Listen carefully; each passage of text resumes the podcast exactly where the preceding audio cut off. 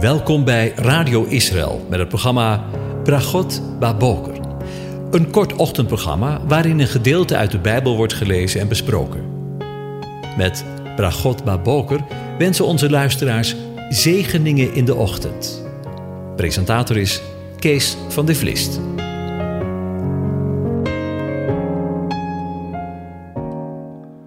Goedemorgen, luisteraars. Vanmorgen denken we weer verder na over Psalm 91. Ik lees het aan je voor. Wie in de schuilplaats van de Allerhoogste is gezeten, zal overnachten in de schaduw van de Almachtige. Ik zeg tegen de Heere mijn toevlucht en mijn burcht, mijn God op wie ik vertrouw. Want hij zal u redden van de streek van de vogelvanger, van de zeer verderfelijke pest. Hij zal u beschutten met zijn vlerken, onder zijn vleugels zult u de toevlucht nemen. Zijn trouw is een schild en panzer. U zult niet vrezen voor de beangstigende van de nacht, voor de pijl die overdag aankomt vliegen, voor de pest die in het donker rondgaat, voor het verderf dat midden op de dag verwoest. Al zullen er duizend vallen aan uw zijde en tienduizend aan uw rechterhand, bij u zal het niet, onheil niet komen. Slechts met uw ogen zult u het aanschouwen, u zult de vergelding van de goddelozen zien. Want u, heren, bent mijn toevlucht. De Allerhoogste hebt u tot een woning gemaakt. Geen onheil zal u overkomen, geen plaag zal uw tent naderen, want hij zal voor u zijn engelen bevelen, dat zij u bewaren op al uw wegen. Zij zullen u op de handen dragen, zodat u uw voet aan geen steen stoot. Op de felle leeuw en de adder zult u trappen, u zult de jonge leeuw en de slang vertrappen. Omdat hij liefde voor mij opgevat heeft, zegt God, zal ik hem bevrijden.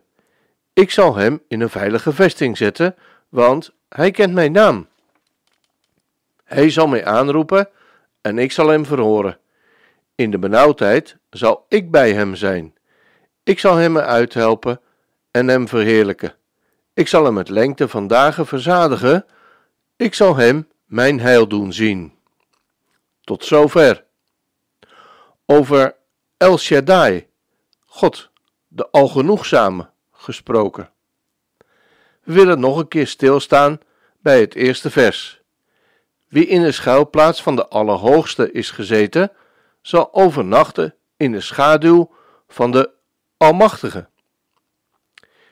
In de voorgaande overdenkingen hebben we een paar keer stilgestaan bij het feit dat God de Allerhoogste is. Deze keer wil ik met je stilstaan bij zijn Hebreeuwse naam El Shaddai, wat hier vertaald wordt met de Almachtige. De Joden vertalen het Hebreeuwse woord Shaddai hier niet met Almachtige, maar met de Algenoegzame. Deze benaming van God als El Shaddai komen we in de Bijbel twaalf keer tegen, maar wordt door de vertalers niet gebruikt als de Algenoegzame. Het is ook niet de naam die wij in ons kerkelijke hedendaagse taalgebruik nauwelijks of niet gebruiken. In de reformatorische gemeente wordt deze uitdrukking, zeker in het verleden, maar ook nu nog wel gebruikt. Voor we verder gaan, even iets technisch. Aangezien het oude Hebreeuws een medeklinkerschrift heeft, wordt van een woord alleen de medeklinkers geschreven. Afhankelijk van de gekozen klinkers kunnen woorden daardoor verschillende betekenissen hebben. In onze Bijbel wordt El Shaddai meestal, abusiefelijk, vertaald als God Almachtig.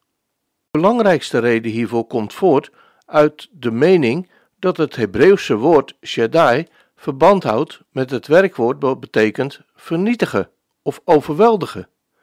Het Hebreeuwse woord voor bandiet heeft bijvoorbeeld dezelfde stam. El Shaddai heeft echter een andere betekenis. Het woord heeft een veel nauwere grammaticale connectie met Shaddai en betekent borst. Bovendien, wanneer een woord eindigt met i of ai, betekent het bijna altijd mijn. Dus letterlijk, El Shaddai kan heel goed God is mijn borst betekenen.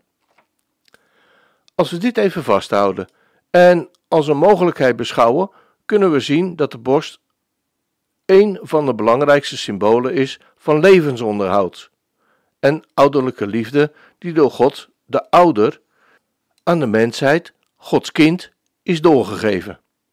Dus in plaats van God Almachtig zou El Shaddai waarschijnlijk in plaats daarvan vertaald moeten worden als God al voldoende. Het Joodse volk was van oorsprong een herdersvolk, en voor hen was één ding heel duidelijk. Het leven van het pas uit de moeder geboren kind was volkomen afhankelijk van de moederborst. De vrouwenborst was in het oude Israël daardoor een zinnebeeld van vruchtbaarheid en van leven geven. Voor het herdersvolk had El daardoor ook de betekenis van God als bron van leven en overvloed. El Shaddai komt twaalf keer voor in de Bijbel, tien keer in het Oude Testament en tweemaal in het Nieuwe Testament. Het is opvallend dat de eerste drie keer dat we het woord El Shaddai in de Bijbel tegenkomen, elk vers gaat over vruchtbaarheid en de naam Shaddai wordt benadrukt. El Shaddai verbonden met vruchtbaarheid. We lezen in Genesis 28 vers 3: Mogen El Shaddai je zegenen en je vruchtbaar maken en je aantal verhogen. En in Genesis 35 vers 11: Ik ben El Shaddai, wees vruchtbaar en verhoog het aantal. En in Genesis 49 vers 25: Door de El Shaddai die je zal zegenen met de zegeningen van de hemel hierboven, zegeningen van de diepte die eronder ligt, zegeningen van de borsten, Shaddayim, en van de baarmoeder, Racham. Nog een punt om over na te denken. Terwijl Shaddai, borsten, de letters Shin, Dalet, Yat, menselijke en andere zoogdieren vertegenwoordigen, wordt de rest van Gods schepselen gevoed uit het veld. Raad eens hoe we veld spellen in het Hebreeuws. Veld is sha, de en het wordt gespeld als met shin, dalet en he. Bijna identiek aan het woord borst. Als je de laatste letter van het woord neemt, het enige verschil tussen de twee Jad en He, krijg je Gods bekendere naam. Ja. J, A, H. Tja, God de Allerhoogste, de Almachtige, maar zoals we vandaag gezien hebben, ook de Algenoegzame. Algenoegzaam heeft de betekenis van volkomen toereikend, om alle behoeften te bevredigen. Vanmorgen hebben we mogen zien dat God de bron van leven en overvloed is.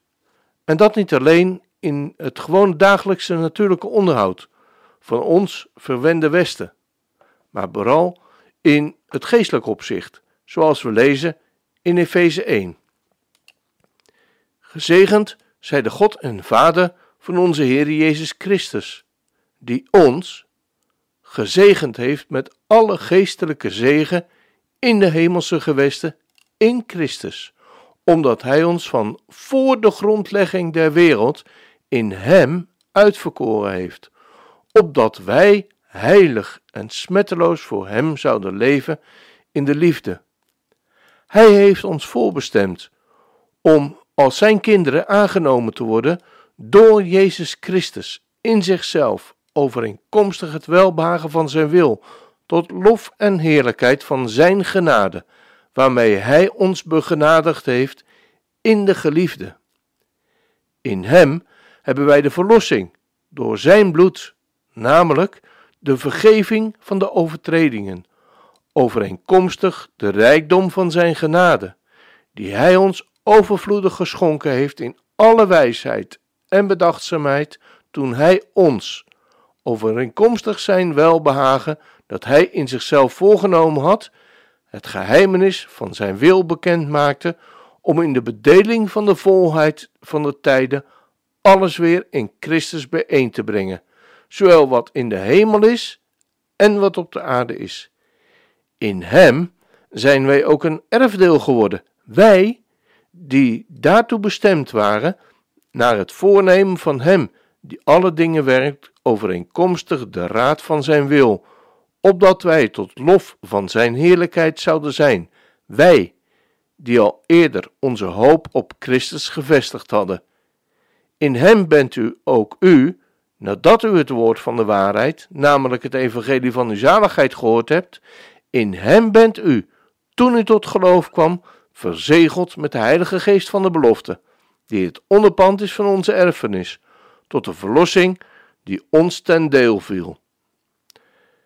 Dit programma heeft de naam Bragot Baboker meegekregen. Zegeningen in de ochtend. Nou, als Efeze 1 geen zegening is, dan weet ik het ook niet meer. Ik wens u een van God gezegende dag toe.